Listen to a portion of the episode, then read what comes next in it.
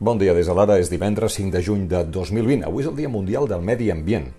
Com el celebrarem, Miquel Bernis? Amb el dia de temps més tranquil d'aquesta setmana, avui el sol predominarà i no hi haurà ruixats de tarda en lloc. La treva s'acabarà aquest dissabte a última hora.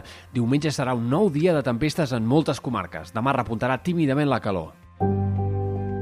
Per avui s'espera el vistiplau del Consell de Ministres, del Ministeri de Sanitat, pel canvi de fases a partir de dilluns que ve. Si el ministre Illa atén la petició que ha fet la consellera Vergés, Barcelona i àrees nord i sud i Lleida passaran a fase 2, Girona, Catalunya Central continuaran a la fase 2 i passaran a la 3, Tarragona, Terres de l'Ebre, al Pirineu i Aran.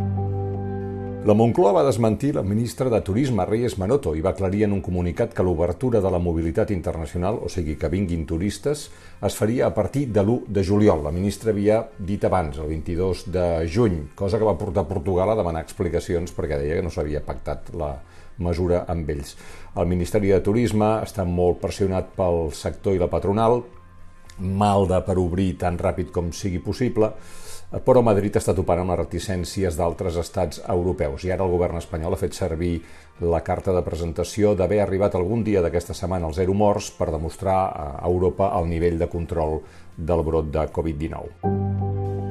Barcelona es prepara per poder anar a la platja a partir de dilluns, fase 2, hi haurà controls d'aforament, el nivell d'ocupació es vigilarà amb videosensors i s'establirà un codi de semàfors en què el verd i el groc donaran accés sense restriccions, el que passa que el groc explicarà que hi ha més gent a les platges, i si s'arriba al màxim previst en una de les platges, els agents i els informadors la tancaran i a l'aplicació del mòbil sortirà el semàfor en vermell.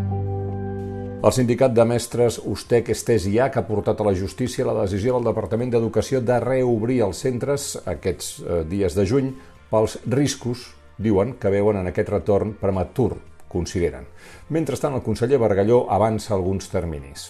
15 de juliol ja han de saber què tindrem el 14 de setembre. Ens hem d'acostumar que l'any que ve és un any extraordinari, que hem de fer un servei d'educació d'alta qualitat, però que per poder fer-ho haurem de prendre decisions molt concretes centre per centre en funció de coses tan, diguem-ne, poc tradicionals a l'hora de prendre decisions, com és el nombre de portes d'entrada i sortida o els carrers que van a parar aquestes portes. Hem de tenir radiografiat amb els 5.942 centres educatius de Catalunya el 15 de juliol i segurament acabaran sent 5.942 solucions diferents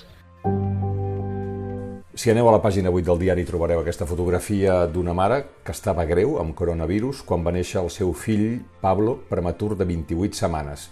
Encara no he vist ni tocat el meu fill, diu la mare, en aquest hospital de Madrid en què eh, poden conèixer els nadons per videotrucada.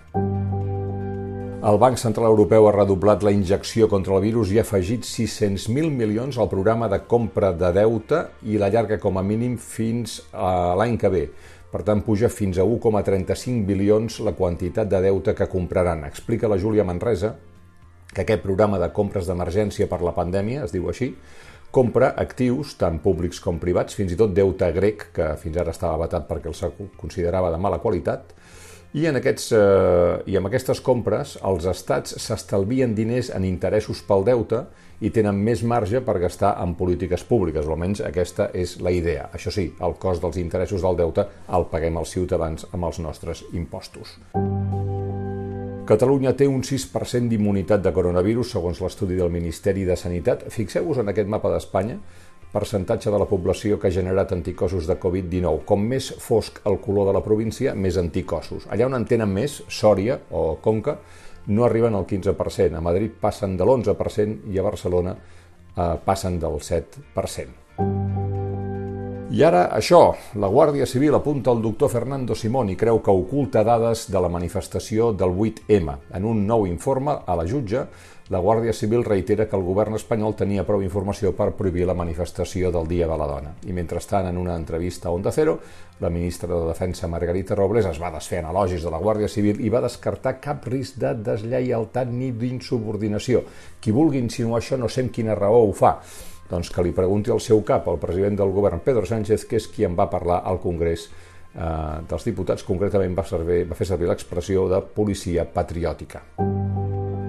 L'expresident de la Generalitat, José Montilla, haurà de compareixer al Parlament per explicar el seu fitxatge per Enagas. De moment, l'expresident ha garantit que no utilitzarà mitjans públics per activitats privades, però els grups parlamentaris volen més detalls. Cal recordar que tant Iniciativa, predecessora dels Comuns, com Convergència i Unió, predecessora eh, de Junts per Catalunya, PP i Esquerra, van avalar que els expresidents poguessin mantenir les seves oficines encara que passessin a ocupar un càrrec directiu en una empresa privada. Si és que sí que es va impedir en el seu moment eh, que els expresidents cobressin la pensió en cas de tenir altres fonts d'ingressos. Ja han començat els funerals, en plural perquè n'hi haurà més d'un, en memòria de George Floyd als Estats Units. El pastor que ha oficiat la cerimònia a Minneapolis aquesta matinada ha dit traieu els vostres genolls dels nostres clatells. I a Hong Kong, milers de ciutadans han desafiat el veto a la manifestació anual per recordar la massacre de la plaça de Tiananmen del 1990, un veto imposat per la Xina amb l'excusa del Covid-19. Xavier Roig escriu un article que recomanem sobre el tancament de Nissan, en què la tesi és que és més culpa nostra que de Madrid, perquè el, pel mal govern ens hem deixat perdre la indústria. Nissan era una història d'èxit que els incompetents públics i la deixadesa social han anat enfonsant. I acabem amb dues notes gastronòmiques. Una és una recepta de la fina Puigdevall, bixissuàs a l'estil de restaurant Les Cols d'Olot. Quatre porros, dues cebes de figueres, aigua amb gas, oli d'oliva i sal. I són notícia també el Germán Roca, perquè els plats clàssics del celler de Can Roca es poden tastar a partir d'ahir al vespre per 30 euros al restaurant Mas Marroc a Vilablareix, al Gironès. És l'espai que destinaven fins ara a casaments i a banquets. És una solució pensada per donar ocupació a l'equip de Roca. El restaurant té una capacitat total per 300 persones, però amb les mesures del Covid-19 n'acollirà 70. Fins aquí les claus del matí, de seguida tornarem amb l'anàlisi, que passeu un bon divendres.